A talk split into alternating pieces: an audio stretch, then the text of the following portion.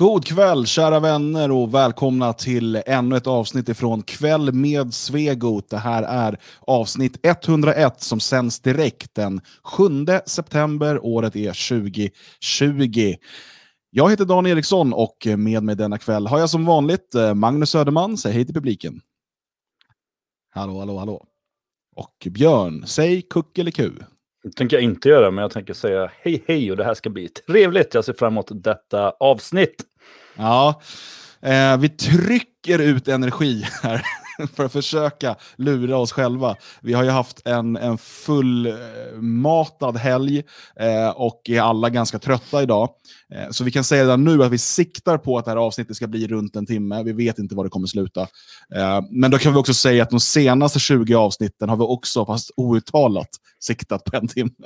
Så att vi, vi får se hur det här går. Men eh, redan nu så vill vi då eh, varna för det. För att eh, det var ju mycket anspänning inför helgens evenemang och sen liksom fungerade allt som vi hade hoppats, mer eller mindre. Eh, och nu börjar man sakta komma tillbaka igen. Det, det, är svårt att förklara, men jag tror att alla som har arrangerat större evenemang och, och sådär vet hur det är. Liksom man, det är så många saker som måste falla på plats. Eh, och kroppen, jag, jag sov väldigt dåligt natten mellan fredag och lördag. Eh, och det var så mycket liksom, att tänka på. Och, och sen efteråt så är det ju, man får ju sällan känslan av eufori, av glädje, utan det är mer, ah, skönt, det gick inte åt helvete. Eller vad säger du Magnus? Ja, nej, det finns inte mycket glädje i, i livet så sett. Så, um, rent generellt så där så är det ganska torftigt på den fronten. Uh, men det gör ingenting för att uh, man behöver inte glädje. Man behöver plikt. Uh, plikt är det som definierar människan och människovärdet. Och plikt det har jag en massa utav. Nej, jag skojar naturligtvis. Eh, det är kul. Glädje naturligtvis när det blir bra, när det blir genomfört och när allting går som det ska och det är vart det. Och jag tror att eh, många kanske misströstade att sådär att ska vi hinna klart och jag menar jag har ju sett det där huset växa fram nu under dagarna och nästan kommit till att sådär känna att fan vad trött jag är på det här huset. Eh, det var ju en nyinvigning så att vi ville ha så mycket som möjligt klart även om vi visste att allt inte blir klart. Eh, men eh, jag menar vilken eh, vilket ansikts, vilken ansiktslyftning det har blivit, tror jag. Jag som sagt ser inte på samma sätt som alla andra kanske. Men i alla fall, nej då, bra, kul, perfekt helg och många fler sådana där kommer ju här framöver. Mm. Vad var dina intryck av helgen, Björn? Nej, det var precis som ni beskriver det. Tristess, djävulsk, ja, mådde dåligt, mycket negativa tankar i omlopp. Nej, så var det naturligtvis inte. Jag eh, arrangerar ingenting, så att jag eh, sov väldigt gott eh, natten till lördagen. Vaknade utvilad, eh, pigg som en mört skulle man kunna säga. Och sen så tog jag min eh, bil och eh, begav mig till eh, Älgarås där jag mötte upp eh, kamrater som i alla fall de flesta verkade glada och pigga och eh, förväntansfulla. Och sen hade vi en eh, mycket trevlig och givande dag tillsammans med såväl bra tal som väldigt mycket bra människor som man fick möjlighet att prata lite mer med. Så jag tycker det var en um, toppenhelg. Det enda är väl att det blev lite för sent. Dum idé att låta mig sova bland alla andra. Utan det är bättre att köra ut mig någonstans så att jag går och lägger mig tidigt. Men annars så har jag inga synpunkter. Det är svårt när man äh, träffar gamla och nya kamrater som man sällan träffar. Liksom, brukar gå månader, ibland år emellan vissa. Jag vet att du hade ju ett kärt återseende med någon du inte hade träffat på 20 år där Björn. Ja. Uh, och, och, eh, när man har det och sen, ja, vi, som, eh, vi som har barn, vi har ju barn allihopa, när man har en så barnfri kväll. Det är svårt att gå och lägga sig då, för det, man vet att det här kommer nästa skottår igen. det, liksom, det gäller att passa på att vara vaken. Inte Magnus dock, han, eh, han låg och sov innan vi hade stängt. Det var jättelätt att gå hem och lägga mig. Uh, nej, men uh, jag, jag har inte den där orken som man hade förr i världen, helt enkelt. Det blir väldigt högljutt också, det gör ont i öronen, kan jag tycka. Jävla farbror alltså. Det är otroligt. Vad ska jag säga liksom? Det är som det är. Ja. Men, ja, men vi, ehm, hade, vi hade en väldigt trevlig helg. Några som inte hade det, det är ju Antifa i USA. Det såg ut så här nämligen.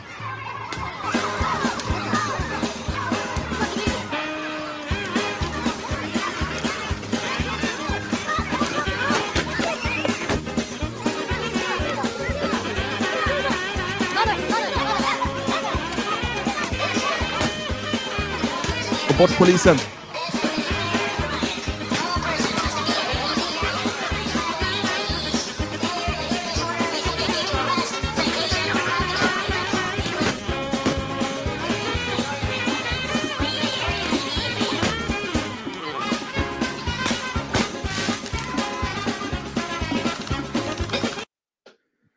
Ja, något sånt där.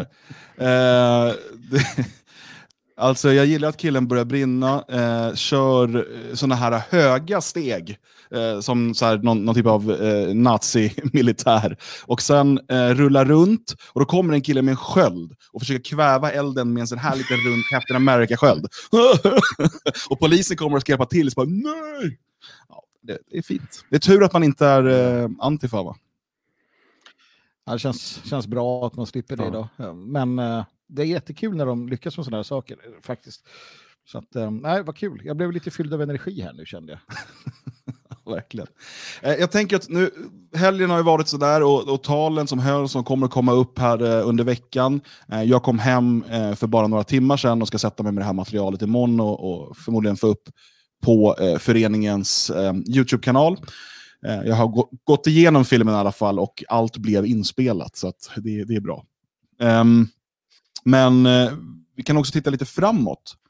För eh, vi berättade ju lite nyheter också eh, i lördags och du är ju högst inblandad i de här, Magnus. Och kan ju bara säga det då att eh, Mm. från och med nu så har ju Svenskarnas hus öppet för allmänheten dels onsdag till fredag från 12 till 19.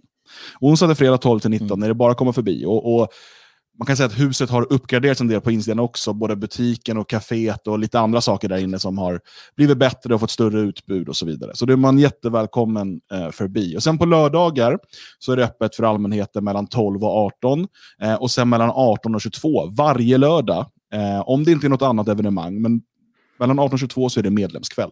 Eh, då är det bara för medlemmar. Men på lördagar händer ju någonting annat också. Så Magnus, vad kommer hända varje lördag i Svenskarnas hus om det inte är ett annat evenemang?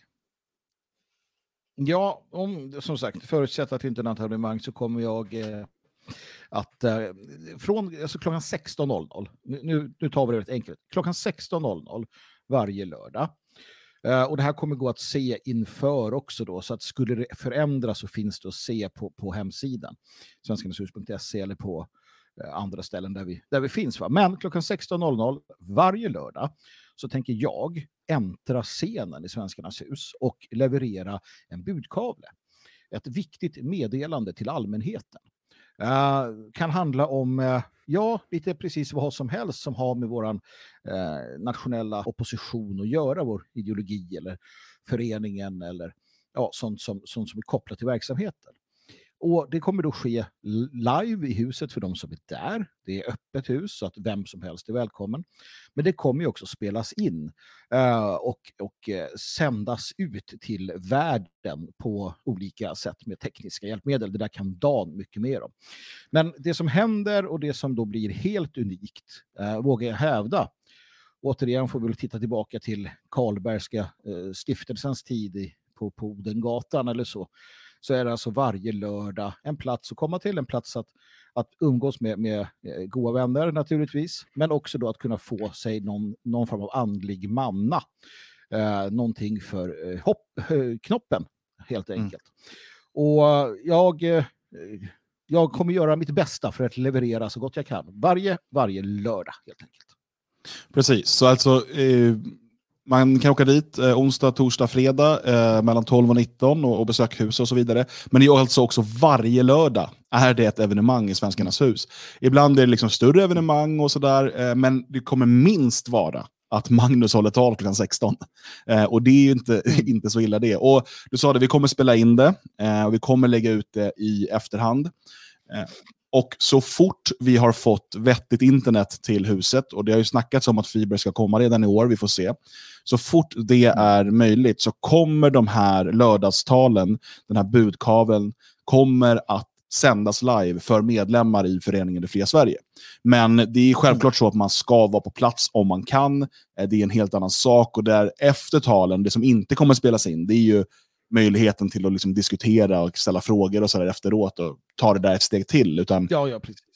och, och det är, vi alla vet ju att komma till huset och träffa folk, eh, det är det som är Alltså det, det, är en så stor del av det. Um, och, och mm. Vi får se här, eh, det är ju redan nu på lördag, så att du som tittar eller lyssnar nu här live, eller åtminstone under veckan, passa på. Eh, ta dig till Svenskarnas hus nu på lördag, öppet från 12. Klockan 16 står Magnus på scen redo att eh, förmedla sin budkavle. Och eh, från 18.00 är du medlem i föreningen eller blir det på plats så kan du stanna kvar på medlemskväll. Och ja, där kan allt hända.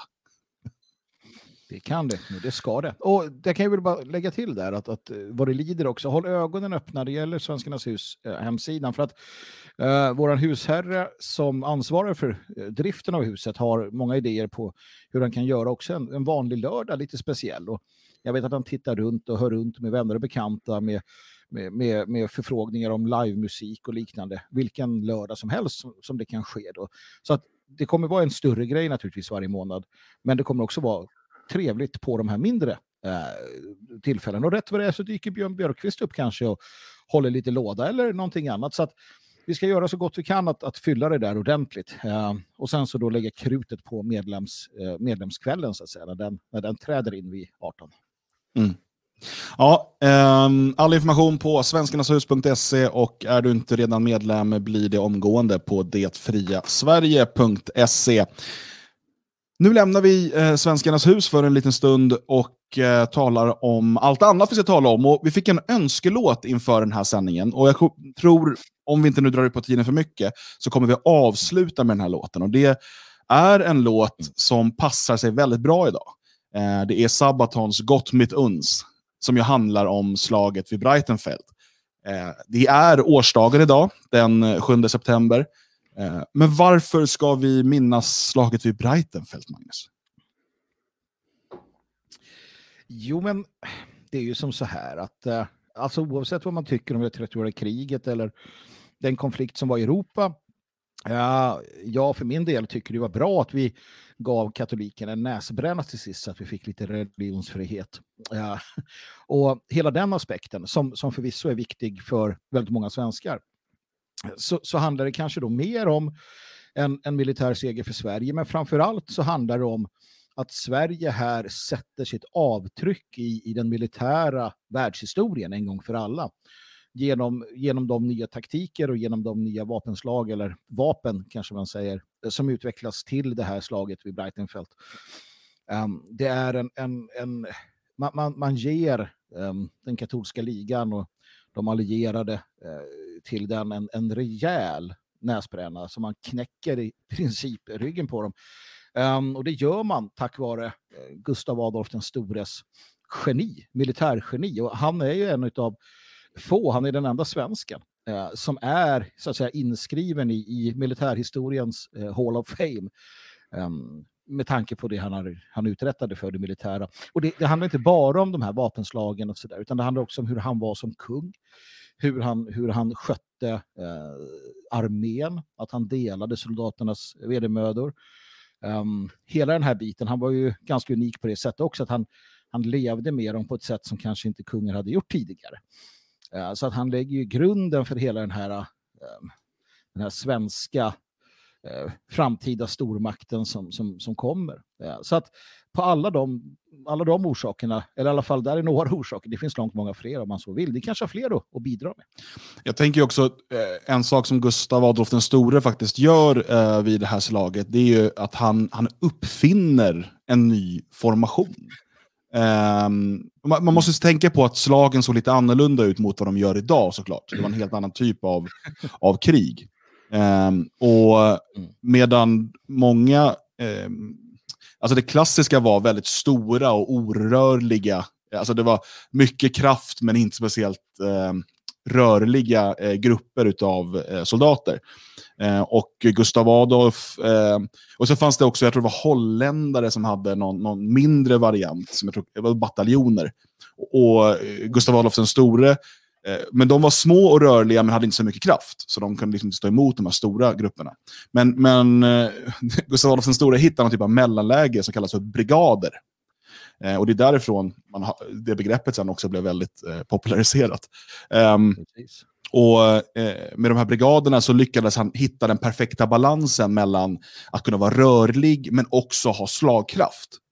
Eh, och det gjorde ju att eh, tack vare eh, att Sverige anslöt till, till saxarna och lyckades man ju vända det som kommer att bli, kallas sen för det 30-åriga kriget. Man lyckades driva tillbaka eh, liksom, eh, katolikerna och, och, och påven eh, ut från eh, norra Tyskland. Och man kan diskutera liksom, hur mycket hade det här med religion att göra, hur mycket hade det med pengar och makt och politik att göra. Och det, jag skulle säga ja, det har med allt det att göra.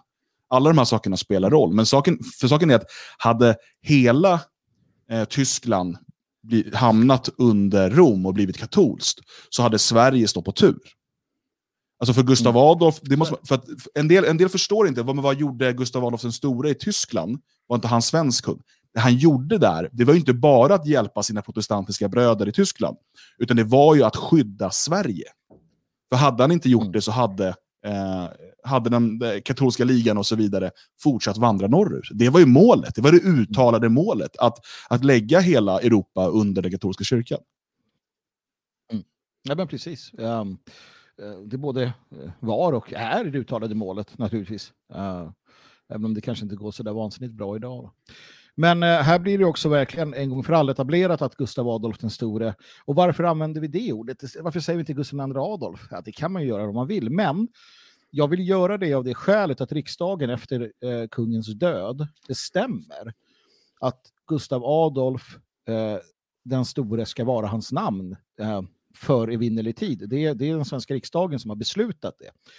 Och man använder Gustav eh, den andra Adolf, det är väl det mest, mest eh, kända så att säga. Men eh, faktum är att han är en av de stora. Du har ju eh, Fredrik den store, du har ju andra som får det här tilltalsnamnet då, eh, den store. Och, och det, det, det, är signifikativt ändå kan jag tycka. Så att jag vill gärna använda det när man, när man kommer ihåg det. Uh, men i alla fall, det som händer här också är att ryktet uh, nu går en gång för alla att för att det finns nämligen en medeltida krönika från om de Parcellus som handlar om, om lejonet eh, från Norden. Där han då tar upp att eh, när, när jorden ligger i mörker och nöd och, eh, så, så ska det komma ett, ett lejon från Norden med en liten hop av krigsmän som ska eh, driva örnen på flykt. Örnen är den tyska kejsaren naturligtvis. Och så vidare. Um, och, och, här så, så får man en, eh, att den här profetian tycker man slår in. Så att det, det, Gustav Adolf den stores namn bärs över hela Tyskland, bärs...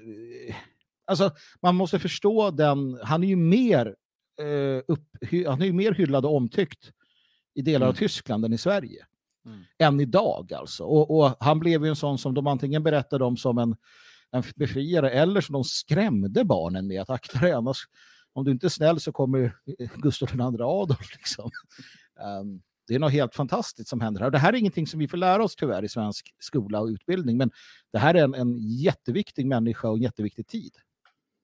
Ja, alltså jag som har varit mycket och, och, och bott eh, flera år i Tyskland kan ju säga att varje stad med någon typ av självaktning i, i de protestantiska delarna av Tyskland har en Gustav Adolfstrasse eller Gustav Adolf Allé eller någonting i den stilen.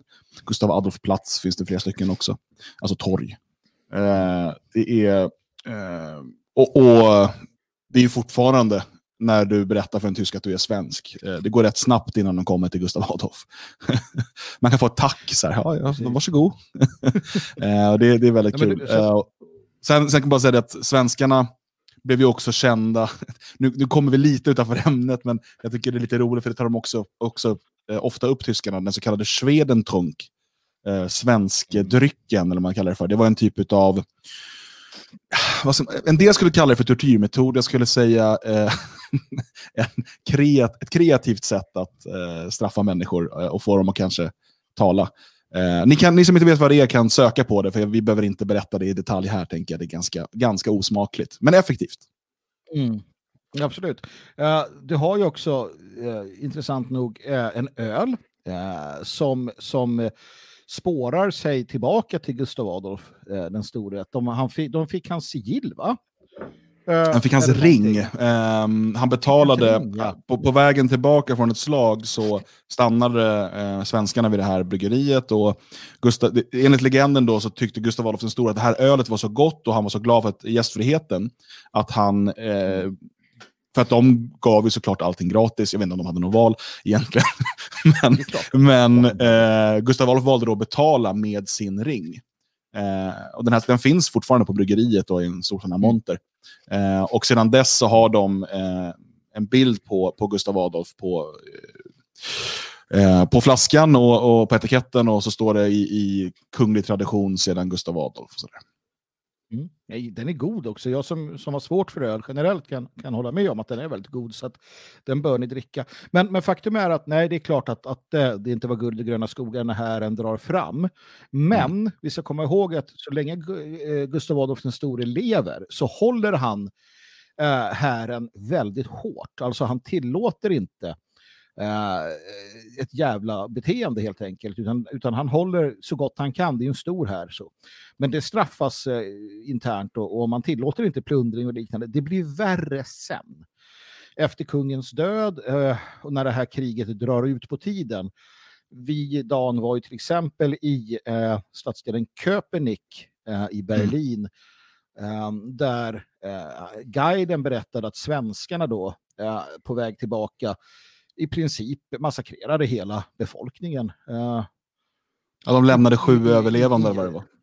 Ja, precis. På jakt efter mat och resurser. Alltså det var, det var väldigt otrevligt det här kriget eh, som det drog över länderna såklart. Ehm, och det är ingenting man är, kan vara stolt över. Men det, det kommer senare när de här enorma härarna drar fram och tillbaka.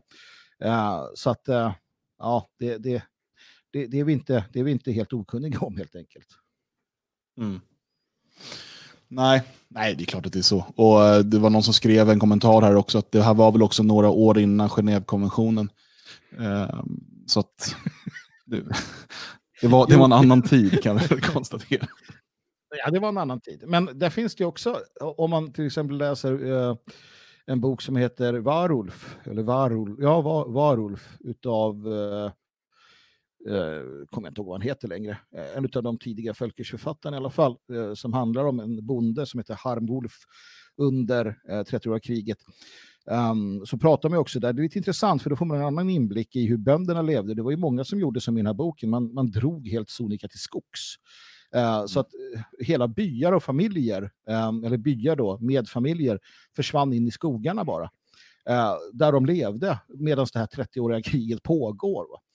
Eh, För det är ju inte så ofta, det det är ju mycket legoknäktar och sådär och in, inkallat folk, men det pågår ju ett liv här samtidigt. Eh, Mm. Så att det finns eh, många berättelser kring det här då.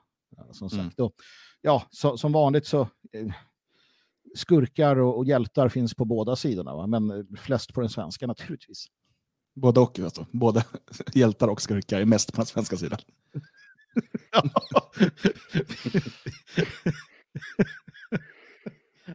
ja, nu var det Ja. lite fel där. Eh, Men i alla fall, man kan bara titta då. då. Eh, Det här slaget när det tar slut då. Det är alltså Sverige och Sachsen mot Tysk-romerska riket och katolska ligan. Ehm, och det är efter det här tror jag också, det är i samband med det här kriget som liga eh, i Sverige får ett negativt, en, en negativ, heter det konation? Va? Mm. Alltså i till exempel USA, eller i de anglosaxiska länderna, där säger man ju eh, League. ehm, alltså, eh, inte vet jag, NAACP. Ja, alltså, man kan ju men säga alltså, att i eh, ju- katolska länder är det ju fortfarande också, jag menar, vi har, Ja. vi har eh, Lega Nord. Ja, precis, precis. Ja, just det. Så att, med, medan hos oss då så, så har liga blivit någonting negativt. Ja, och det är ju på grund av det som händer här och att de he- heter katolska ligan. Så det är lite spännande att man, att man får det på köpet här. Men i alla fall, katolska ligan då och eh, det här romersk, tysk-romerska riket förlorar alltså 27 000 man i det här slaget. Medan vi då och saxarna förlorar 5 500 man. Um, Mm. Så det är en, en rejäl skillnad och som du säger, där, man, man utplånar i princip eh, till Is eh, kejserliga armé. I princip. Eh, jag, jag tror att när man gör en räkning på sluttampen där så är det det är eh, sådär en, en 7000, äh, mellan 7 och 9000 man kvar utav hela armén.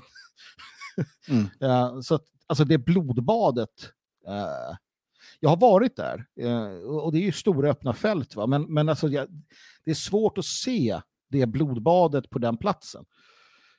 Men ja, nej, fy fan. Ja, årsdagen alltså utav slaget vid Breitenfeld och eh, vi passar på att eh, påminna dig, kära svensk, att du faktiskt är, du är, eh, du är arvinge till dessa fantastiska härförare och krigare som eh, för alltid förändrade historien för hela världen, men inte minst för, för norra Europa. Ehm, så det är något vi inte ska glömma, hur mycket de än försöker få oss att, att glömma detta. Um, vi lämnar historielektionen bakom oss, eller inte helt. Vi ska, vi ska fortsätta med uråldriga, uråldriga historier. Det är nämligen så att um, det kommer en ny bok, det har kommit en ny bok här i dagarna, uh, som heter Extremisten och som handlar om Anders Högström. Uh, och um, jag har läst ungefär halva boken hittills. Uh, det är de delarna som jag tror var intressanta för att sen började det handla om saker som var ointressant. Eh, och jag vet att du Björn har ju också läst den. Men mm. om du bara får berätta först Björn, vem var och är Anders Högström? Och sen tar vi det vidare därifrån. Mm, det ska jag göra alldeles strax. Först så ska jag bara, där, det är ju inte Anders Högström som släpper en ny bok. Utan det är, det är producenten något, är lite förvirrad. Det är något förlag som släpper en ny bok som eh, eh en annan författare har skrivit, en gammal eh, journalist på Sydöstran tydligen. Eh, Anders Högström i alla fall, han eh, är väl mest, eller var väl mest känd för att han var ledare för Nationalsocialistisk front på 90-talet. Han eh, hade bakgrund i ja, rörelsen kring VAM Eh, det var väl det han gjorde. Sen så hoppade han av, om det var 99 eller 2000 där någonstans. Eh, och blev motståndare.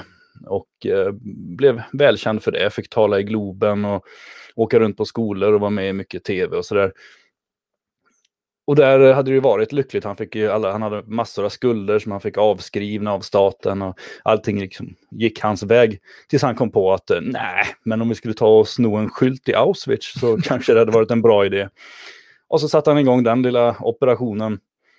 Och eh, ja, så, så, blev han väl lite mindre populär igen då så att säga. Och det är väl, det är väl i korta, väldigt korta drag vem eh, Anders Högström var. En gång i tiden en nära och god vän till mig också får man väl lov att säga. Och sen var han ju nere i, eh, ska jag säga här, Kurdistan och mm. eh, eh, nere och, och, poserade med vapen lite grann och, och sådär. Jag vet inte riktigt vad han gjorde där nere, men han var väl nere och, och kriga, antar jag. Ja, alltså enligt boken där så är det ju att han, han har blivit kristen, vilket han mycket väl eh, kan ha blivit eller anser sig vara. Eh, funnit Gud, vilket han ska ha gjort när han satt i fängelse i Polen för den här skyltstölden. Och då kände han att han måste göra någonting för sina kristna systrar och bröder så att han eh, begav sig av då för att eh, strida mot Islamiska staten. Eh, jag vet inte, jag, jag har ju inte träffat Högström sen, om det är 99 eller 2000. Han kan ju ha ändrat sig som människa, men, men jag tror väl någonstans att det inte handlade så himla mycket om om eh, kristendom utan snarare en vilja, en, en dröm man har haft sedan barnsben om att uppleva krig.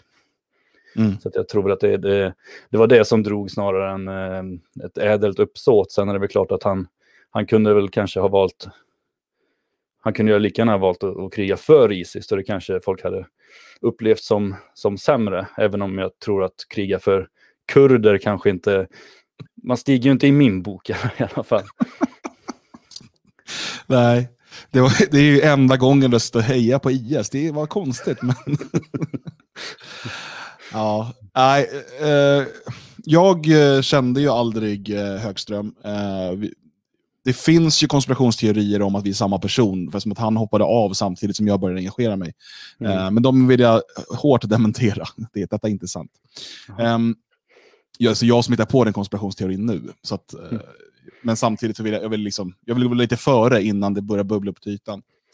Eh, och eh, så jag, jag har liksom inte någon riktig bild av honom sådär, förutom det man har hört. Men att läsa den här boken gav mig ju bilden av en person som inte borde leda ett politiskt parti. Eh, han verkade mest vara en, eh, ska man säga, en, en småkriminell, adrenalinsökande pöjk. det, var, det var den känslan jag fick utav när man läst om, om, om hans olika eh, bravader. Men sen har jag förstått att, eh, och, och, det går ju liksom väl igenom lite i boken, att han var väldigt karismatisk och var väldigt bra på att få med sig människor. Och det är såklart en, en ledaregenskap eh, i sig. Eh, men ja, precis som med eh, det här krigandet nere i Kurdistan så undrar jag om det verkligen var om det på allvar var en politisk övertygelse som drev honom till organiserandet i, av NSF och så vidare. Eller om det, det var den kuliss han valde den här gången för att liksom få ut sina personliga behov. Mm.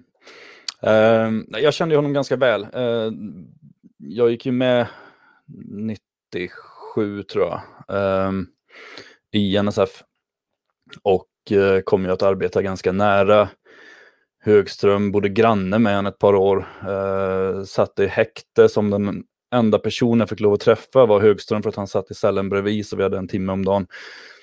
Eh, så att vi umgicks ju ganska flitigt och eh, visst, eh, det fanns ju skäl till att vi mot slutet började ställa krav på honom. Krav som slutade med att han valde att lämna oss på ett ganska, eh, vad ska man säga, förrädiskt sätt. Um, men, um, nej, men han var karismatisk, han var Uh, det hände alltid mycket omkring honom och han hade ofta väldigt bra idéer om hur man skulle organisera, hur man skulle bygga organisation, hur man uh, skulle arrangera möten, hur man byggde upp tal och sådana grejer. Vi, vi satt ofta och spånade på sådana saker. Det var mycket med ljud och ljus och sånt där. Dessvärre så hade vi problemen på den tiden att man inte hade egna lokaler så det var ju svårt att planera saker i god tid. Men vi byggde vad vi kunde utifrån vad vi hade så att säga. Och, och han, satt ju, han satt ju uppe hela nätterna så här, med, medan andra var ute och festade så satt han och liksom sydde ihop så här, gigantiska hakkorsflaggor och sånt där. Och han var väldigt eh, entusiastisk på de här bitarna. Eh, ideologiskt driven var han väl, men förutom Mein Kampf så läste han ju i princip inga nationella böcker, utan annars var det mest krigshistoria han var intresserad av. Men kunde han ju utan och innan. I boken så återkommer de ju till eh, massans psykologi ganska ofta. Så den, mm. Jag vet inte om det är en efterkonstruktion, men den borde han väl ha läst annars åtminstone. Ja, absolut. Det var han som presenterade den för mig. Och eh, det är ju en av mina favoritböcker sedan dess. Så eh, jo, den, den, den fyllde absolut en, en viktig eh, funktion, gjorde den. Men sen var det ju också Eh, Eh, jag, menar, jag, jag lyfte fram en del av fördelarna, nackdelarna var ju det att han var kriminell. Och det, det vart ju lite knepigt sådär för att jag kom ju från, förvisso så lärde vi känna varandra via att jag hade rättegång, men, men eh, det var ju för att jag hade burit symboler. Jag, jag eh, höll inte på liksom med småstölder och sånt som han pysslade med konstant. Han var ju även konstant otrogen mot sin sambo och sådär. Det var, det var hela tiden det här sökandet efter eh, liksom, snabba upplevelser som, som gjorde att eh, man ganska tidigt blev skeptisk mot honom. Samtidigt så hade ju vi varit med och byggt upp honom och man kunde inte liksom bara hur snabbt som helst göra sig av med honom heller. Nu löste han det själv. Men, men eh, när han hoppade av så var han ju på väg bort ändå kan man säga. Det, det var ganska tydliga krav från övriga styrelsen att han eh, antingen skulle skärpa till sig eller lämna sin plats. Mm. Uh, du nämns ju i den här boken också några gånger, Björn, så att jag tänker ge dig chansen nu. Uh, är, det, är det sanningen som står om dig i denna bok? ja, ja. nej det, det är ju inte. Det är, eller, det är det väl kanske delvis. Det står, det första, det tycker jag nästan är viktigast. Ehm, det är ganska tidigt i boken så står det där när NSF bildades att Högström var väldigt inspirerad och intresserad av eh, svensk nationalromantik. Och så um, tar de upp ett exempel på ett flygblad som eh, citerar, eh, jag tror det är Hedenstam, och mm. att det där skrev Högström ihop och bla bla bla.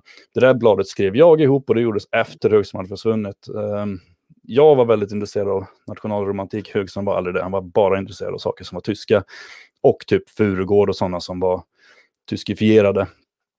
Eh, men annars så, nej jag vet inte, det, det står att jag eh, dömdes för hets mot folkgrupp och det var där vi kom i kontakt med varandra, det stämmer. Eh, det var väl inte så mycket Högström som, som var på att få in mig, utan det var ju framförallt Ärleskog som var... Det var Ärleskog som hela tiden eh, eh, höll ihop verksamheten och drev på verksamheten och fick allting att fungera. Högström var ju aldrig speciellt aktiv i partibyggande på det sättet, utan han hade lite idéer och så, men han, det var ju Erleskog som var den som slet hårt konstant. Um, ja, sen är det ju något anonymt, någon anonym människa som menar att jag var väldigt duktig på att vara ute och skapa bråk och sen så fort det blev bråk så drog jag mig tillbaka och skickade fram de andra. Och så gör jag fortfarande. jag vill inte dementera någon av dessa uppgifter. Ja, det, det... Nej, jag vet inte var det kommer ifrån. Jag har aldrig jag, jag, jag, har aldrig startat några bråk, jag vet inte. Däremot så var det ofta bråk när vi var ute, men det var inte vi som startade dem, utan vi blev ofta angripna. Alltså jag var ju med i tidningen tre, fyra dagar i veckan under flera års tid. Och inte så att bara Björn är jävligt bra, utan det var ju ofta väldigt aggressiva artiklar från media. Så självklart så blev vi, om vi gick ut för att ta en öl eller så, så vart det ofta problem. Mm. Uh, men att jag skulle starta dem eller skicka fram andra, inget av det känns speciellt bekant, utan blev det bråk så var väl alla med och, och lyckades vi slippa bråk så... Ja, det, det, det finns ju, eh, jag tycker ganska ofta det känns som att man försöker förminska alla människor som var med, eller liksom på något sätt göra dem så att de alla, alla var korkade. typ. Eh, dels så står det väl att de utnämnde dig till propagandachef för att det fanns inte så många att välja på. Eh, och, ja, det gjorde det ju eh, inte i och för sig. Men... Nej, men, men den formen, så ser det någonting också någonting om att du var bra med ord eller någonting. Alltså det lät typ som att de andra var helt dyslektiska och liksom typ knappt kunde prata. Ja, jag kunde bilda meningar, hela meningar kunde jag få fram. Ja. Eh, sen, alltså, och, och, efter att ha läst ja, som sagt halva boken, eh, fram tills det här börjar komma fram om eh, Auschwitz-skyltarna, det intresserar mig inte så mycket, eh, så är också, jag, jag förstår inte riktigt vad den här boken vill. För, för... Nej, men den är ju, till att börja med så är den ju ganska, ganska illa skriven. Alltså det är ju inte... Jag vet inte, han är ju journalist hävdar han och jag har ju säkert träffat honom då om han jobbade på Sydöstran men jag kommer inte alls ihåg honom.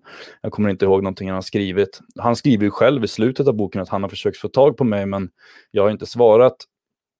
Uh, vilket jag inte hade gjort heller, men jag har inte fått något. Så att jag, uh, mm. Eh, men jag brukar inte delta i, i, i, den typen av verksamhet. Så journalister som eventuellt tittar, så nej, jag är inte med på det ni gör. Jag har mina egna kanaler och eh, välsinnade kanaler, där är jag med. Men jag har gjort mitt hos er, så att säga. Um, vad pratade vi om egentligen? Eh, Anders Högström. Jaha, eh, just det.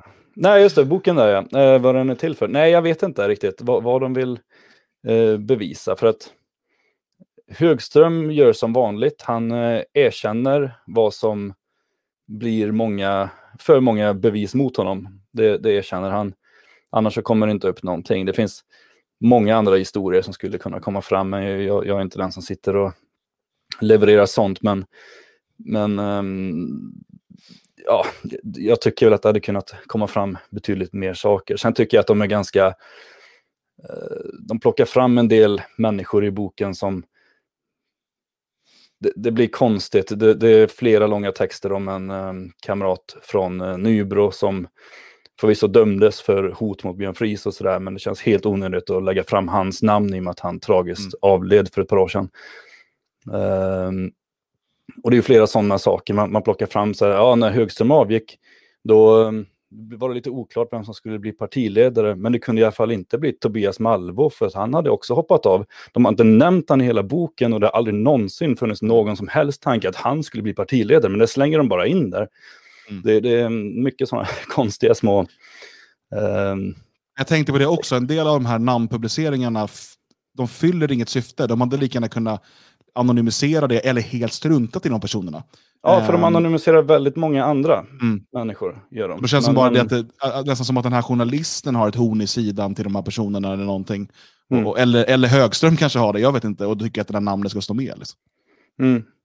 Nej, för jag menar, visst, den här kamraten som, som um, numera dessvärre är avliden, han ehm, hade ju ett väldigt starkt personligt förakt emot somliga politiker och eh, det tog sig uttryck på ett sätt som gjorde att han dömdes till ett längre fängelsestraff på grund av diverse telefonhot och sånt där. Men, men jag menar, det, det var ju en ganska liten detalj i hela hans politiska gärning. Han var väldigt ambitiös och duktig och sådär. Sen Men hade var han ju... detta sanktionerat från partiledningen? Nej, jag tror inte ens vi visste om vad han hade för... Vissa små saker visste man om. Alltså det finns en rolig historia. Så han var ute och åkte på landsbygden. Och så bara körde han förbi. Det fanns en folkpartiledare som bodde där som hette Kent Löfven. Eh, så bara stannade han till bilen, så bara hoppade han ut och snodde hans brevlåda och körde vidare. Och sen bara en halvtimme senare så ringer han upp Kent Löfven så bara ja hejsan jag undrar om du vill köpa en brevlåda? Så bara, Nej men jag har en brevlåda. Så bara, så bara slängde han på. Det vart ju en artikel om det i tidningen sen. Det var ju ingen som dömdes för det men den stod hemma hos Högström sen i ett år tror jag. Så det var ju mycket sådana såna små, små hyss han hade för sig. Så. Men det var liksom aldrig några direkta, det fanns inget allvar bakom det han gjorde utan han var arg och ja, det, det var ju hans sätt att få ut ilskan. Liksom. Han blev av med, precis som jag, han blev av med bostäder, han eh, nekades utbildning, han, eh, ja, massa sådana saker. De stoppade liksom, tryckeriet där han eh, hade tryckt sin egen tidning. Han hade massa sådana saker konstant. Så att hans reaktion blev ju att ja, det han kunde göra för, för att göra motstånd mot just dem. Och det var väl kanske missriktat eller överdrivet. Så att han dömdes väl för en olaga hot till ett och ett halvt års fängelse eller vad det var. Mm. Men det man, det man kan konstatera just när du berättar om det där, för att återigen tror jag att många inte fattar det. Alltså den typen av hets, liksom, uh, där, där folk blir persona non grata, som många av er blev. Eh, jag slapp undan. Men många, också sådana som kanske inte var så där vansinnigt framträdande, men som råkade bo på en ort där det fanns någon sån där aktivistisk Björn Fries-liknande typ. Det var, ju, det var ju tävlan mellan de där personerna, hur mycket man kunde förstöra för människors liv. I det sammanhanget, i den kontexten, så är det faktiskt undligt att vi inte har haft några, eh, att vi inte har haft eh, liksom en, en uppsjö av våld riktade mot vare sig alltså, politiker eller, eller andra. För att så illa som många då eh, drabbades och blev verkligen satta på gatan i princip. Um, det säger någonting om, om vår rörelse, det säger någonting om, om oss som människor, till skillnad mot andra då.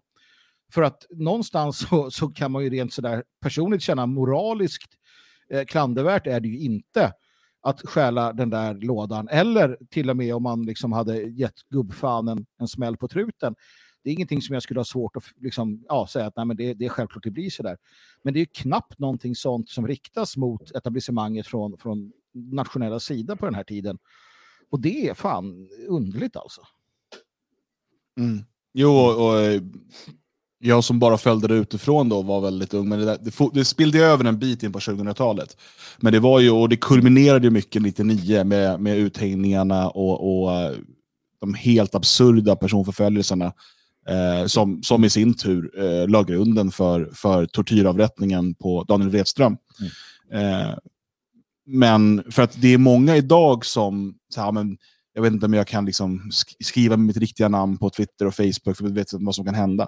Det kan man säga att det är ingenting mot hur det var för de som eh, 1997 eh, stod upp och, och liksom sa ifrån långt innan många andra vågade göra det.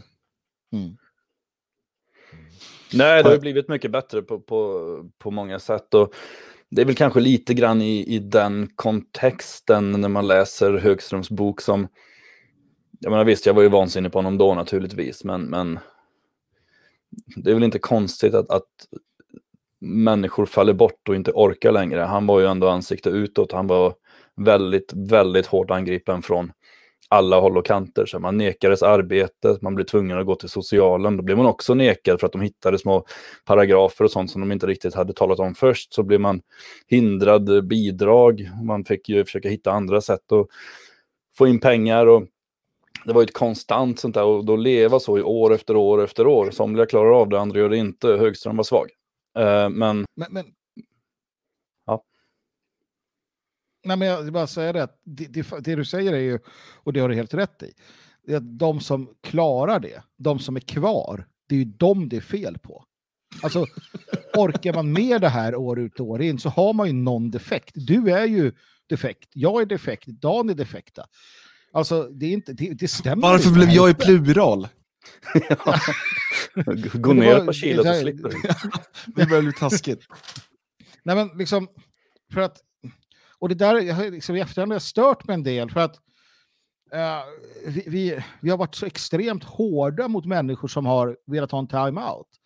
Vi har varit extremt nedlåtande mot dem. Och, och sen har människor som var nedlåtande sex månader senare själva valt att kliva av. Och man har haft på tok för högt ställda krav. Jag menar, vi, vi läste järngardet, om järngardet och tänkte att vi ska alla vara som Kodriano. Liksom. Men så funkar ju inte världen. Vi, vi, vi, var, vi är inte dem. Så att, Men, men Någonstans- Magnus, du vi håller väl med om att man också måste skilja på att människor som vill ta ett steg tillbaka eller liksom fokusera på sin familj eller någonting, vilket jag har den största respekt för, för att det är inte alltid lätt att eh, vara som en offentlig person i, liksom, i, i den här rörelsen. Eh, men mot att och, turnera runt och stå i Globen och berätta liksom, lögner om sina gamla Ja, vänner. Nat- naturligtvis, naturligtvis. Men vi var ganska hårda och elaka mot dem som gjorde det av rätt skäl också. Mm. Alltså det här som man pratar om hos amish-folket med shunning, om du inte är med i, i gruppen så är du liksom helt ute. Så såg vi till att ägna oss åt under många år, i princip, alltså rörelsen som sådan, vilket gjorde att det konstant var en ung rörelse, för att de äldre hade ingen plats. Det, fick du barn och, och gick vidare, då hade du ingen plats längre. Mm. Och, och det var ju ett jätteproblem naturligtvis. Men absolut, det är ju en jävla skillnad. Och Högström har jag inga...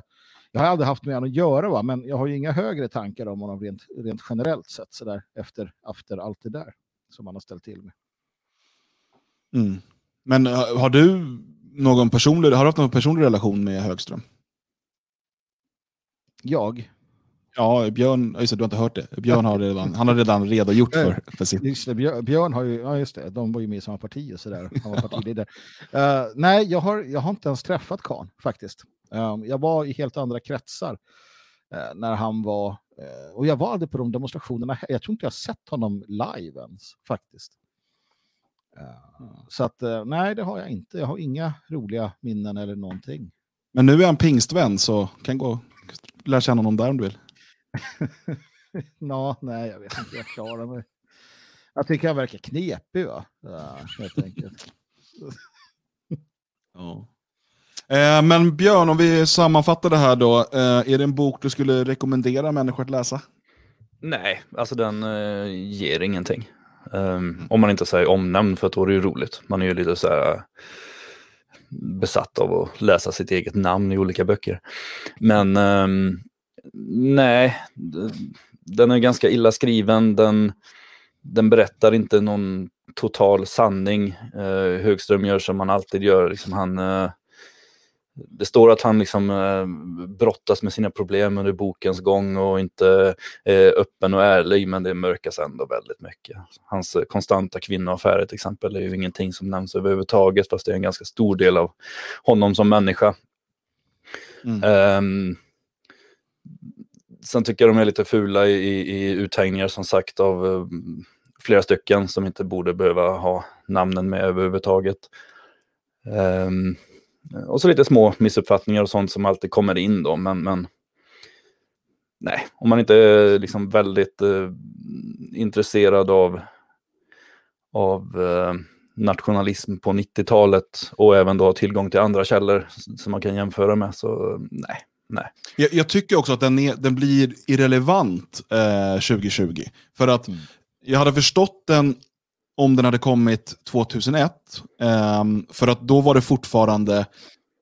För, för att om man skulle göra den till en sån bok som till exempel delas ut i skolorna. Så här, Kolla, så här blir man högerextremist. Läs det här och vad, vad han, ja, hur, det gick, hur det gick snett. Och då kan lärarna lära sig och se de här tecknen i tid. Och hur de nu brukar säga. Eh, men det, alltså, man, den, den nationella rörelsen på 90-talet och den nationella rörelsen 2020, det är som två olika väsen. Det finns ju absolut liksom trådar som går tillbaka, men när jag ser de unga människor som idag blir en del av vår opposition, som kommer till svenskarnas hus och som vill engagera sig, så har de, det har, alltså det, det påminner inte mig alls om de människor man träffade på 90 eller början på 2000-talet. Eh, alltså, det är helt olika, man har helt olika bakgrund, helt olika motivation för att engagera sig.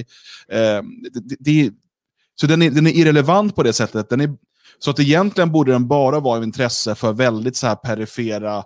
Alltså Anna-Lena Lodenius kan läsa den, Expo kan läsa den och så vidare, men sen, vem mer? Liksom? Ja, men de, de, flesta alltså nationalister idag eh, tror jag inte ens vet vem Anders Högström är, var. Alltså annat än att man har stött på honom i tidningar och sådär som du säger. Um, det är helt, som du, äh, helt ointressant. Um, och ja, jag tycker det är intressant. Jag ska läsa den där, men det är för att jag nördar ner mig på det här. Men jag menar, svensk nationell 90-tal, det är ju för de flesta helt periferi. Mm. Uh, vi, vi är några få som... Sen, sen är det bra att veta sin historia. Det, jag kan tycka att eh, nationalister idag Alltså det jag kan önska är att man hade bättre koll på, på de som var lojala, de som var kvar. Det finns många som, som inte nämns med namn eller som man inte vet om i vår historia. Tyskarna är duktiga på att, jag hörde att man hade släppt en biografi över Jürgen Rieger till exempel och så vidare. Det finns en massa sånt där i Tyskland. USA lika så. Men, men äh, ja, nej, eh, just Högström är väl inte så intressant. Mm. Nej, Nej det är likadant förresten, det kommer jag på nu. Det, det, eh, de lyfter fram väldigt mycket det där mordet i Klippan eh, och, och, den personen som sen tog livet av sig några år senare eh, och lyfter fram honom som någon som var med och startade NSF där och sånt där. Jag tror, nu var jag förvisso inte med de absolut första åren, men jag tror att den killen aldrig någonsin var medlem. Utan det är någonting Högström vill lyfta fram att han minsann umgicks med mördare och sånt där. Men, men jag tror inte han var medlem. Han var i alla fall aldrig det när jag var med. Så att, um, det är också lite sån här onödig info de slänger in bara för att få ihop en saftig historia. Mm. Ja, eh, och det som... När jag tog upp den här boken, eh, för typ två, tre veckor sedan så tror jag jag tog upp bara helt eh, ur det blå, så tog jag upp den här boken. Jag hade hört om den på eh, medierna i P1. Eh, och det är ju den här biten då med eh, att man sålde fejkade vapenbilder och så vidare till bland annat TV3s Insider. Ja, det är ju också eh. bluff. Det, där, det är ju också, alltså, det han, lägger, han påstår ju på något sätt att han har tagit bilder och sålt medan han var aktiv. Mm. Det är mm. väldigt besynnerligt då att de här medierna liksom bara satt och höll i alla de här bilderna och bara nej men vi väntar tills Högström har hoppat av. Sen, mm. sen går vi ut och säljer dem. Eh, alltså att, att han fabricerade bilder, att han stal bilder, att han um, ja, på olika sätt. Jag menar, det, det, är, det, det är någon bild på Anders när han står med, eller Ärleskog då, när han står med något låtsasvapen och sådär. Men fan, det var ju unga killar, det är klart de tycker det är kul med vapen och när folk sätter ett liksom, låtsasvapen händerna på dem så blir de väl glada när folk tar en bild. Det, det är inte konstigare än så. Alltså, det, det är ju inte så att nationalsocialistisk front när de bilderna togs var ett eh, målinriktat stort politiskt parti utan det här var liksom 16-17-åriga killar som, som lekte krig. Uh, och sen så några år senare så tog Högström de här fotona, liksom kompisbilder. Det var inte någon propagandabilder och det var inga bilder som togs för att sälja till media utan det var bilder bara som de tog för att det var kul. De tog han sen och sålde i en annan kontext. Vilket, ja, i hela den här insider grejen då fick det att framstå som att eh, jag var en lögnare när jag sa att NSF pysslar inte med sånt här. Och sen bara, men titta här på deras egna bilder. Men det var ju inga bilder som tillhörde oss. Ja, så Robert Aschberg hade fel igen. Ja, det var ju oväntat. Fan, ljög de alltså? Media. Jaha. Mikael Ekman som var redaktör. Hade inte han koll på det här? Ni var ju bästisar, Björn. Ja. Hur bra vänner var ni egentligen? Uh, vi respekterade väl varann. Uh, han var ju öppen antirasist. Och jag var ju inte det. Uh, det stod där väl någonstans här att uh, vi kunde sitta och umgås för att han fick ut något av det, för han fick försöka förstå hur, hur vi tänkte. Och jag hittade någon som orkade lyssna på allt mitt dravel, eller vad det stod. Lite så var det kanske. Ehm, han var kul att prata med, han kom med giltiga motargument. Och, sådär. Det var ju innan, sen eh, kom han ut som expo. Vi trodde väl mer att han bara tillhörde de här lokala nätverken och så. Men eh, mm. Eh, och när han kom ut så hette det att han hade infiltrerat, men det var det heller aldrig fråga om i och med att han, han var ju alltid öppen med att han var antirasist. Mm. Nej, men han var väl lite rolig. Springer på varandra på demonstrationer ibland, då brukar vi säga hej. Ja, men håller Vad han säger du, Magnus? På, eller? Håller han på fortfarande på, eller? Ja, han är ju, han är ju framförallt, alltså som Expo är ju en plantskola för journalister. Mm. Man börjar ju där och sen får man jobb på Sveriges Radio eller Mm. eh, Strix då Strix. ganska ofta. Mm. Eh, och Ekman gick ju till Strix och där är han ju kvar. Eh, men nej, han har lämnat Strix för ett par år sedan. Eh, nu jobbar han någon annanstans. Men, eh, men han finns ju, han dyker ju upp ibland. Ibland finns han med som researcher och sådär när, när Expo släpper rapporter och sånt. Mm. Ja, ehm, jag tänker att vi ska hinna med ett eh, ämne till och sen avrundar vi den här sändningen som alltså är lite kortare än vanligt. Undrar du varför? Då får du spola tillbaka och lyssna. Jag tänker inte gå igenom det en gång till. Ehm, och Det har ju varit sådär ungefär helgens stora nyhet. Eh, det finns 40 klaner i Sverige, kriminella klaner. Eh, men Stefan Löfven vill inte använda det begreppet, utan han pratar om, han pratar om släktbaserade nätverk. Alltså släktbaserade nätverk. Det låter ju som, alltså det låter, ja, men, jag vet inte vad, vad då, Kamprad-familjen eller liksom släktbaserade nätverk. Är, när man då talar om liksom kriminella klaner. Saken är att det, det, det förklarar ju vad det är. Det handlar om, alla förstår det direkt, ah, klankultur, eh, vi pratar eh, Mellanöstern, vi pratar Afrika och så vidare. Kriminella klaner. Ah, Okej, det är tydligt vad det är för någonting. Men släktbaserade nätverk, det är ju liksom, det är ju sju sorters kakor och kaffe i någon skön trädgårdsmiljö. Men Det, det, jag, jag, eh, jag, jag, jag måste säga att jag varit initialt jätteglad eh, när jag läste det här. Eh, som sagt, jag har en viss fäbless för Amerikat, eh, för liksom det anglosaxiska, den nationella rörelsen framförallt. Och när jag hör att det finns 40 klaner i Sverige så tänkte jag direkt att nu, nu har det slagit igenom. Jag var ju delvis eh, engagerad en gång i tiden när det försöktes med klanen i Sverige. Va? Men, men det gick inte så bra. Och så helt plötsligt 40 stycken, helt utan min vetskap.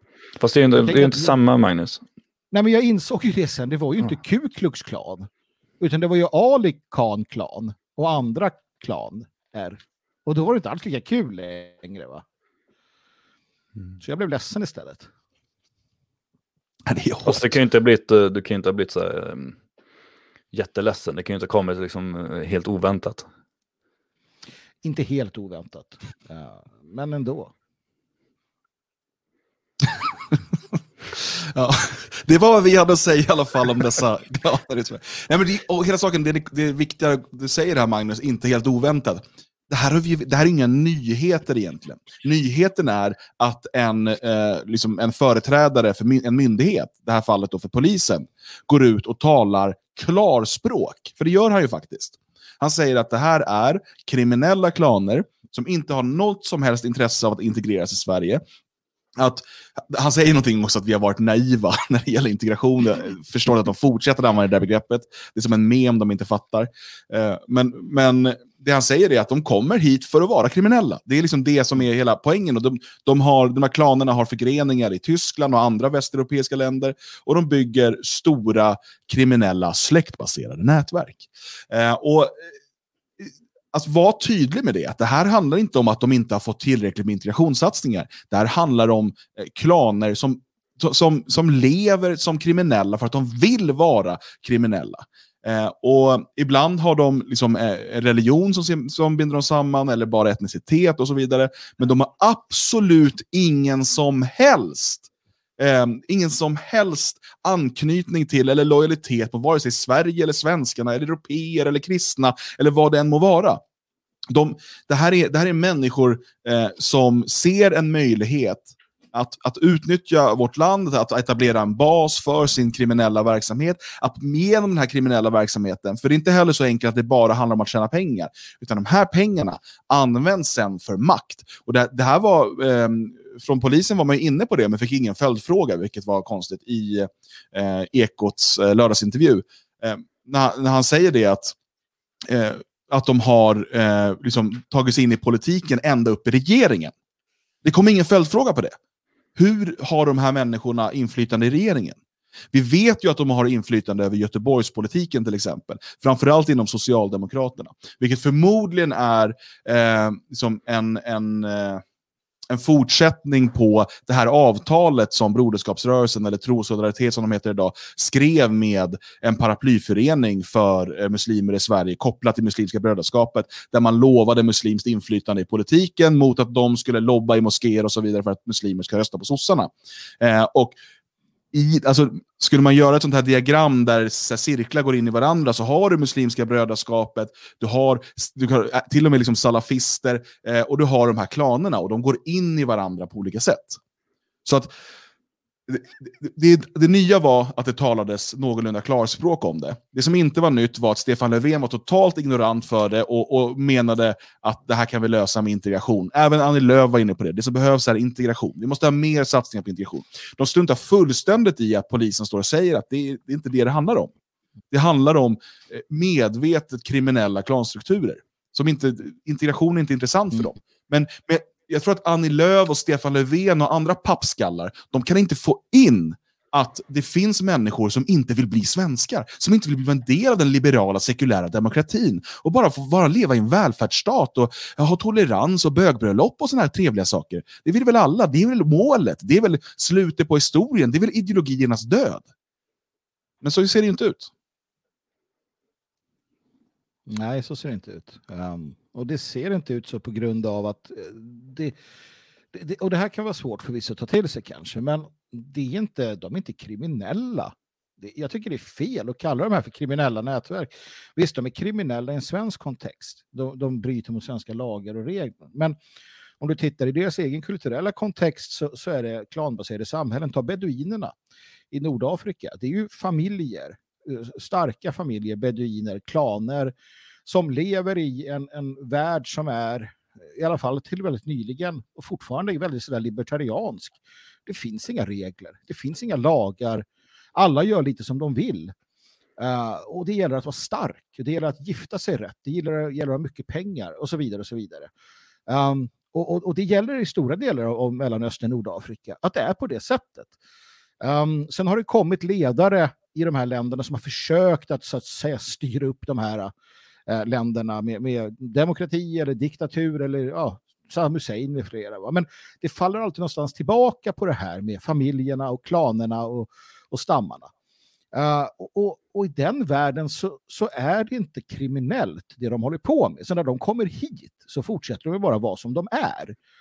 Och jag menar, för dem är det knappt att anse som kriminellt. Jag menar, de tänker inte så. Kan vi försöka förstå att de inte ens tänker på något västerländskt sätt när det kommer till juridik och, och Magna Carta och liknande. De har helt andra uppfattningar. Fullständigt.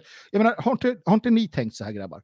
När vi har gått på någon, någon uh, rättegång där någon kille har våldtagit en, en svensk tjej. Och så ser du hur den killens mamma och pappa och mormor klappar brorsa. om honom. Och så här, och brorsa. Ja, men alla, alltså, ingen bryr sig. Och då har man tänkt, hur fan kan de vara sådana? Jo, men för att den här tjejen är ju inte mänsklig på det sättet. Den, hon tillhör ju inte klanen. Och då mm. spelar det ju ingen roll. Alltså, och, man måste förstå Och det. dessutom, en, eh, det som är viktigt här också, hon tillhör inte heller någon annan klan som man kan få problem med. Det finns inget, det finns inget viktigt i maktsträvan här som kan förstöras av att man har våldtagit den här kvinnan. För hon är svensk, Nej. hon är klanlös. Hon har inget folk som står upp för henne. Hon har inga företrädare. Politikerna i riksdagen, det är ju hennes, de, de står inte upp för henne. De är inte hennes företrädare. Så vad, vad finns det för risk i det? Hade eh, svenskar haft ett liknande tänk och där börjat bestraffa den här klanen genom att ja, kanske avliva två, tre stycken av deras medlemmar när de har våldtagit en svensk tjej, då skulle man sluta våldta svenska tjejer. För att ja. här, den här svenska klanen finns. Men svenska klanen finns inte, för vi har gett bort all den, all den typen av tanke på, på sammanhållning och så vidare till staten till sossarnas stat som har helt har förstört vår identitet och gemenskap. Och, och, och, och, så sitter vi där nu och är lättplockade byten för människor som kommer från den här klankulturen. Men vi tror att alla vill bli och kan bli svenskar. Inte vi, men politikerna verkar tro det. Och därmed bara, bara vi har mer integrationssatsningar, bara det blir mer resurser till skolan, bara vi nattvandrar, då kommer det här att lösa sig. Mm. mm. Man måste ju ändå komma ihåg att när det nu blir lite diskussion kring det här så innebär ju det ingalunda att det är någonting nytt i Sverige. Alltså vi har haft den här klankulturen i Sverige väldigt, väldigt länge. Alltså, jag pratar om några hundra år med, med som de nu heter, romerna. Där är det väldigt tydlig klankultur. Jag kommer ihåg för några år sedan så skrev jag om en, ehm, ett knivmord i, i eh, Viskafors utanför Borås. Det var en ehm, Eh, en rom som högg ihjäl en annan rom och de tillhörde olika klaner. Och det där var ju så fantastiskt för vi skrev om det bland de första och vi skrev ut namn och sånt. Vilket gjorde att kommentarsfältet som följde sen var ju att de olika klanerna höll på att utmana varandra i krig. Eh, så det var felstavade meddelanden, det var som att det var mm, fem, sexåringar, fast det var människor som hade bott där i flera generationer, som, som skrev om hur de skulle stycka upp varandras mödrar och syskon. Och det var eh, den ena fram efter den andra som skulle... Och jag menar, det här har ju pågått 2013 så blev det ett jävla liv när, när det visade sig att polisen förde register över hela eh, zigenarsläkter. Och det är inte speciellt konstigt, det är inte underligt på något sätt, därför att de här klanerna fungerar så. Alla som är med i klanen har skyldigheter gentemot klanen och därför är det ganska logiskt att polisen även för in nyfödda barn, därför att de kommer växa upp och bli vuxna klanmedlemmar. De kommer växa upp och bli unga klanmedlemmar först som ska göra små ärenden, springa runt och göra saker åt de äldre i klanen. Sånt där har funnits alltså i, i Sverige i, så länge det har funnits romer här. Mm. Eh, om de nu är med bland de här 40 som de talas om eller om det är mera eh, andra folkgrupper, det, det har inte riktigt framgått. Det skulle vara kul att se en lista över de här 40 som man pratar om. Jag tror att det finns eh, klaner i varenda stad. Jag tror att 40 är väldigt i underkant. Jag tror det handlar om flera hundra klaner som på olika sätt håller på och eh, försöker ta makt. Sen är det klart att vissa klaner går in i andra klaner och, och är, är, så att säga delar av varandra och även genom giftermål och sådär. Men, men eh, att, att politikerna nu skulle vara tagna på sängen, det är ju, det är ju så jävla dumt. De satt ju och snyftade över de här zigenarlistorna för några år sedan och tyckte att äh, hur kan de göra så här, hur kan de göra så här? Ja, men det var ju polisens uppdrag att förebygga brott och då är det bra att ha en lista på vilka som är med i de här kriminella ligorna. Mm. Ja, nej, helt klart är det så. Och ehm, jag menar, där jag växte upp eh, så hade vi en, en turkisk klan som kontrollerade all affärsverksamhet. Sen var det några syrianer som försökte öppna en restaurang. Eh, de blev först hotade, sen eh, eh sprängdes den, eh, restaurangen. Eh, de försökte bygga upp den igen. Den sprängdes två veckor efter nyöppningen. Eh, och sen kunde de inte fortsätta. Jag har berättat om det här tidigare, hur jag satt i en, en rättegång hos den här klanen. Alltså vi löste det i deras, man kan kalla det för sharia-domstol, man kan kalla det för klandomstol, vad som helst. efter att jag hade blivit utsatt för ett ehm, jag tror att det var ett knivhot eller något pistolhot. Eh, där jag bara hade tur att, att jag hade eh, familjevänner som var tillräckligt farliga för att det skulle lösas så att de fick betala mig helt enkelt. Eh, men det löses där, det löses ju inte i någon, i någon svensk eh, rättssal. Nej, för sen men, är det också, men, alltså, ja. ja, prata färdigt du. Nej, men jag bara, det, bara så här, det här på 90-talet, det, är liksom inte, det här är inte nytt. Eh, mm. och, och, eh, Skillnaden då om man jämför med liksom scenarna de senaste hundra åren, eller flera hundra år, eh, det är ju att de här är så många fler idag. De här arabiska och turkiska och så vidare klanerna, de, de är många, inte bara liksom till andra klaner utan också i klanerna. Så de kan effektivt kontrollera hela förorter utan problem. Mm. Jo, men så är det absolut. Det är ju även så, mm, vi har pratat om den förut vet jag, boken eh, Mellan klan och stat, Somalier i Sverige, mm. eh, som är en väldigt läsvärd bok. Den handlar inte primärt om just kriminaliteten utan just om hur de fungerar som klaner. Eh, och i Sverige då. Hur de eh, inte söker sig till utbildningsradion för att lära sig hur man gör saker. De tittar inte på anslagstavlan. De eh, läser inga brev som kommer hem ifrån myndigheter och sånt, utan det är klanledarna som berättar allting för dem. Och det är inte nödvändigtvis kriminella klaner, utan men alla riktar sig till sin klan. De skiter fullständigt i vad Sverige säger, vad polisen säger. Det är inte deras sak, de är inte intresserade. De har sin, eh, sin egen lag, sin egen lagstiftning, sina egna lagstiftare och det är klanen. Mm. Eh, sen sysslar vissa av dem med, med kriminalitet och andra kanske mindre blir det kriminella saker eller blir det konflikter inom klanen så löser man det inom klanen. Blir det mellan klaner så löser man det mellan klanerna. Ibland tar man in ytterligare en tredje klan som får medla.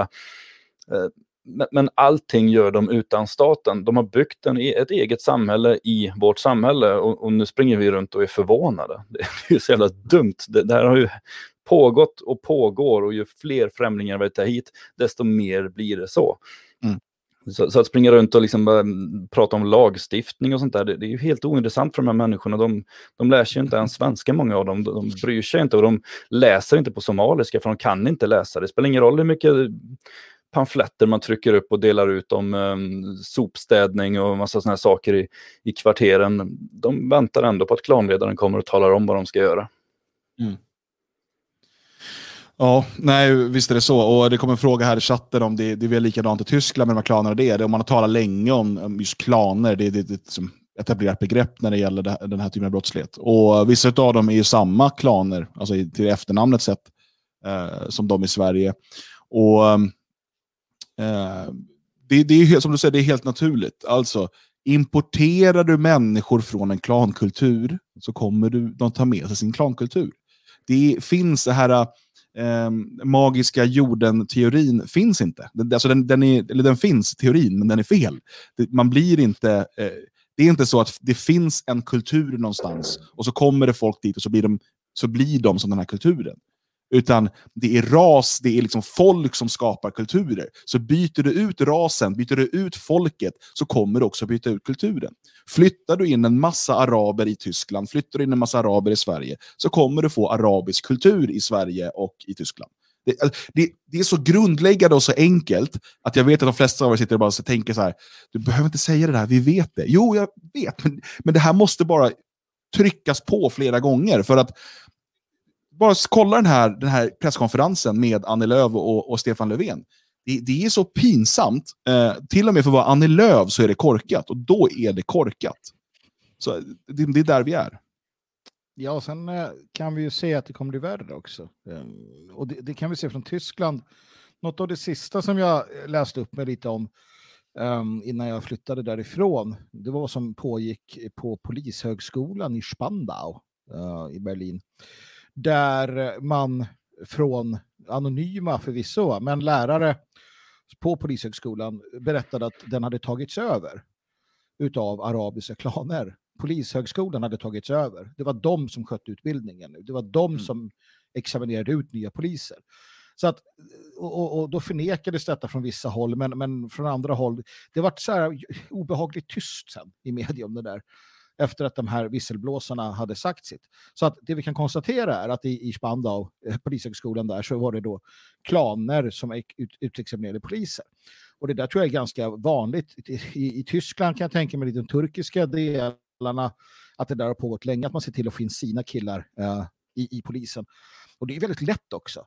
Så fort de här nätverken eller klanerna förstår hur lätt det är att, att få sina Eh, genom polisutbildningen och de klarar liksom de grundläggande testerna. Och, och, det kan vara så att många av deras yngre förmågor har liksom kriminell bakgrund, vilket gör att de inte kommer in hos polisen. Men det där börjar ju ändras så fort de förstår hur de ska gå tillväga. Så att även om det inte liksom kanske gäller för tillfället så kommer det vara sanning om, om fem, tio år. Framför allt när polisen kommer känna att vi måste ha mer poliser. Och det är det som är nu, liksom, det vi hör från polisen. Vi behöver fler poliser, fler poliser, fler poliser. Och man har redan dragit ner på IQ-testen och, och, och, en massa andra test. Va? Så att snart har vi dem där också, om inte redan. Eh, och, och det har vi, som sagt, i Tyskland. Att bli stoppad av några arabisk-liknande poliser, det är ingenting man, man känner att man vill bli i Berlin i alla fall, för man vet fan inte vad det är för någonting. Mm. Ja, Nej, um, helt klart. Och, och, Det vi ser här är just det som du säger, man ropar på mer poliser. Morgan Johansson uttalar sig som en varm vän av mer kamerabevakning. Uh, vi ska ta bort kontanter. Alla de här sakerna, alla våra friheter ska inskränkas. Alla, alla rättigheter ska tas bort ifrån oss. Lyckas man inte göra det med, med det här viruset så ska man liksom, kolla, vi har klaner nu som är kriminella. Så lösningen är liksom inte att avskaffa mångkulturen, lösningen är inte att repatriera, utan deras lösning är att ta bort bort friheter och rättigheter, eh, skapa en polisstat eh, se till, och liksom försöka trycka ner det så. Och det är precis så som man har sett i alla mångkulturella länder i alla tider. Det är precis den cykeln man går. Till slut står man där med någon Tito-typ som försöker hålla ihop Jugoslavien, men det går liksom inte eh, för att det, det faller under sin egen orimlighet. Men det blir oftast, eller alltid, väldigt, väldigt blodigt. Eh, och det finns inte, det är inte heller skrivet i sten vem som går segrande ur en, ur en sån situation. Utan, och Det är därför det är så viktigt att vi nationalister inte låter oss luras in i dessa pseudodebatter om mer resurser till polisen, eh, eller att vi står där och ropar på mer övervakning eller hårdare straff. Utan vi ska vara klara med att det är internera, deportera, repatriera. Det är det som gäller. Det är det enda svaret. Det är det, den enda lösningen på den här på den här problematiken. Avveckla mångkulturen och återupprätta folkgemenskapen i Sverige. Det är det enda sättet vi kan komma åt det här. Allt annat är blå dunster i våra ögon. Så låt er inte luras in i fällan och stå och diskutera, ska vi ha 3000 poliser till eller 5000 poliser? Ska man få 15 år för att skjuta någon eller räcker det med 12? Uh, eh, vad ska de få för rätt eh, till utbildning på fängelset? Det är egalt. Totalt egalt. Internera, deportera, repatriera. Så löser vi den mm. problematiken. Ja, visst gör vi det. är intressant också, jag bara säga det, för jag ser det nu här när jag går in på SVT, hur, hur oärliga eh, de fortsätter att vara. Det, det, är alltså på kriminell nivå, eh, där man ser hur man då nu tar eh, fram att, att äh, experter och professorer och kriminal bla bla bla äh, går emot och polis, äh, rikspolischefens ställföreträdare och säger att nej, nej, nej, nej, det stämmer inte. Uh, utan de här har ju växt fram under 35-40 år. Alltså, ingen ifrågasätter huruvida det, det finns 40 kriminella klaner i Sverige. Men det man då hugger på det är att han säger under senare tid eller någonting. Och media gör allt de kan för att relativisera detta. Att nej, men det här har ju växt fram under 40-50 års tid i Sverige. Som att det då spelar ja, någon jävla roll. Ja, men precis. Så här, ja, men tittar vi på Södertälje så, så har det de senaste 40 åren eh, varit på det här sättet. Jaha. så då behöver man inte prata om det. Då är det ju helt Nej, men precis. Nej men för det är ju ändå det, det är ju det för... som är det lite stora i den här nyheten, det är ju att folk pratar om det, äntligen.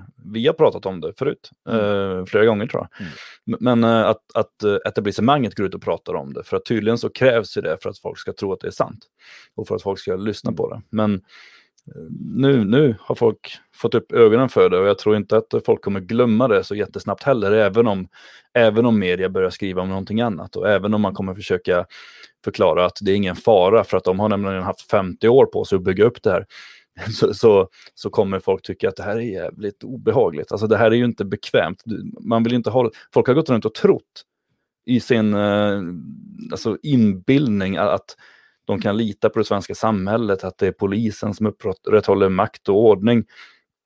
Men det är ju länge sedan det var så. Alltså, polisen kan ju ta upp en anmälan om du får din cykel stulen. De hittar inte den, men du kan få försäkringspengar. Men, men när ett gäng, alltså två kriminella gäng ockuperar ett hotell för att hålla ett möte, då står polisen där och håller journalister borta. Det blir deras uppdrag. Det, dit har vi kommit. Liksom de, de sätter upp vägspärrar och bestämmer vilka som får komma in i ett område och inte. Och polisen säger att uh, ja, det var ju olyckligt. Uh, så ska vi inte ha det. Men det är ju inte sista gången vi läser om det heller. Jag tror inte det är första gången det händer heller. Det är bara inte första gången vi läser om det. Så att det, det, det är stort ändå att det pratas om det, äntligen. Mm. Men det måste pratas mer om det och de riktiga lösningarna som de var inne på, det är ju det som måste fram. Vi kan inte ha de här alltså, Sverigedemokrater och moderater och kristdemokrater som tävlar i antalet poliser, för att antalet poliser är ju totalt... Alltså, det, när blev det ett bra argument att vilja ha en polisstat? Vi vill ha en polis i varje gatuhörn. Nej, vem vill ha det? Det vill man ju inte. Mm. Man vill ha ett tryggt samhälle och i ett tryggt samhälle behövs det inga poliser i alla fall väldigt få. Så det är dit vi vill. Vi vill ha färre poliser och för att nå dit så vill vi ha färre Ja, om vi aktar oss här. Vi, vi vill ha färre brott. Färre kriminella. Ja. Precis. Uh, och om du lyssnar på det här nu och du känner också att du är förbannad på att uh, det inte finns uh, någon svensk klan, att det inte finns några företrädare för svenskarna, så gör som över 2000 andra svenskar och var med och bygg upp en svensk intresseförening, en svensk gemenskap, svenskar som kan stå upp för varandra och bli medlem i Det fria Sverige. Detfriasverige.se. Det tar några sekunder att fylla i och bli medlem.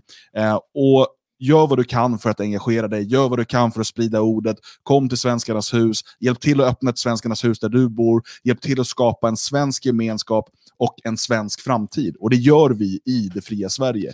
Och om du inte är medlem än så är det här ett perfekt tillfälle. Nu här, direkt efter sändningen eller medan jag pratar, om du kan göra två saker samtidigt, alltså om du är kvinna. Eh, gå in och lös medlemskap eh, och engagera dig så gott som du kan. För det är bara så som vi kan förändra det här. Nu ska vi ta och avrunda kvällens sändning som blir lite kortare än vanligt. Eh, men jag vill eh, påminna dig som inte redan gör det att prenumerera på vår YouTube-kanal så att vi eh, framöver också Eh, kan bädda in sändningar och så vidare. Det krävs tusen prenumeranter eller något sånt. Vi har varit tvungna att skapa en ny YouTube-kanal några gånger eftersom att vi titt som tätt blir avstängda. Men du hittar alltid på svegot.se hittar du alltid en spelare. Så blir vi avstängda från YouTube så kommer vi kunna sända någon annanstans och då finns spelaren på svegot.se. Den här sändningen, alltså kväll med Svegot, är tillbaka nästa måndag klockan 20.00. Men redan nu på lördag så kan du höra Magnus Söderman tala i Svenskarnas hus. Det är gratis inträde, det är öppet för allmänheten från 12 till 18.00. 16.00 drar talet igång från scen. Och Svenskarnas hus ligger alltså på Västra Långgatan 29 i Elgarås, Töreboda kommun. Eh, kom jättegärna dit. Eh, och hela veckan kan du såklart lyssna på Sveriges enda PK-fria morgonradio, Sverige vaknar, som sänder direkt på sverigevaknar.se mellan 8 och 10. Nu avslutar vi, som utlovat, med Sabatons Gott mitt uns och minns och hedrar de förfäder som gick innan oss eh, och Gustav Adolf den store.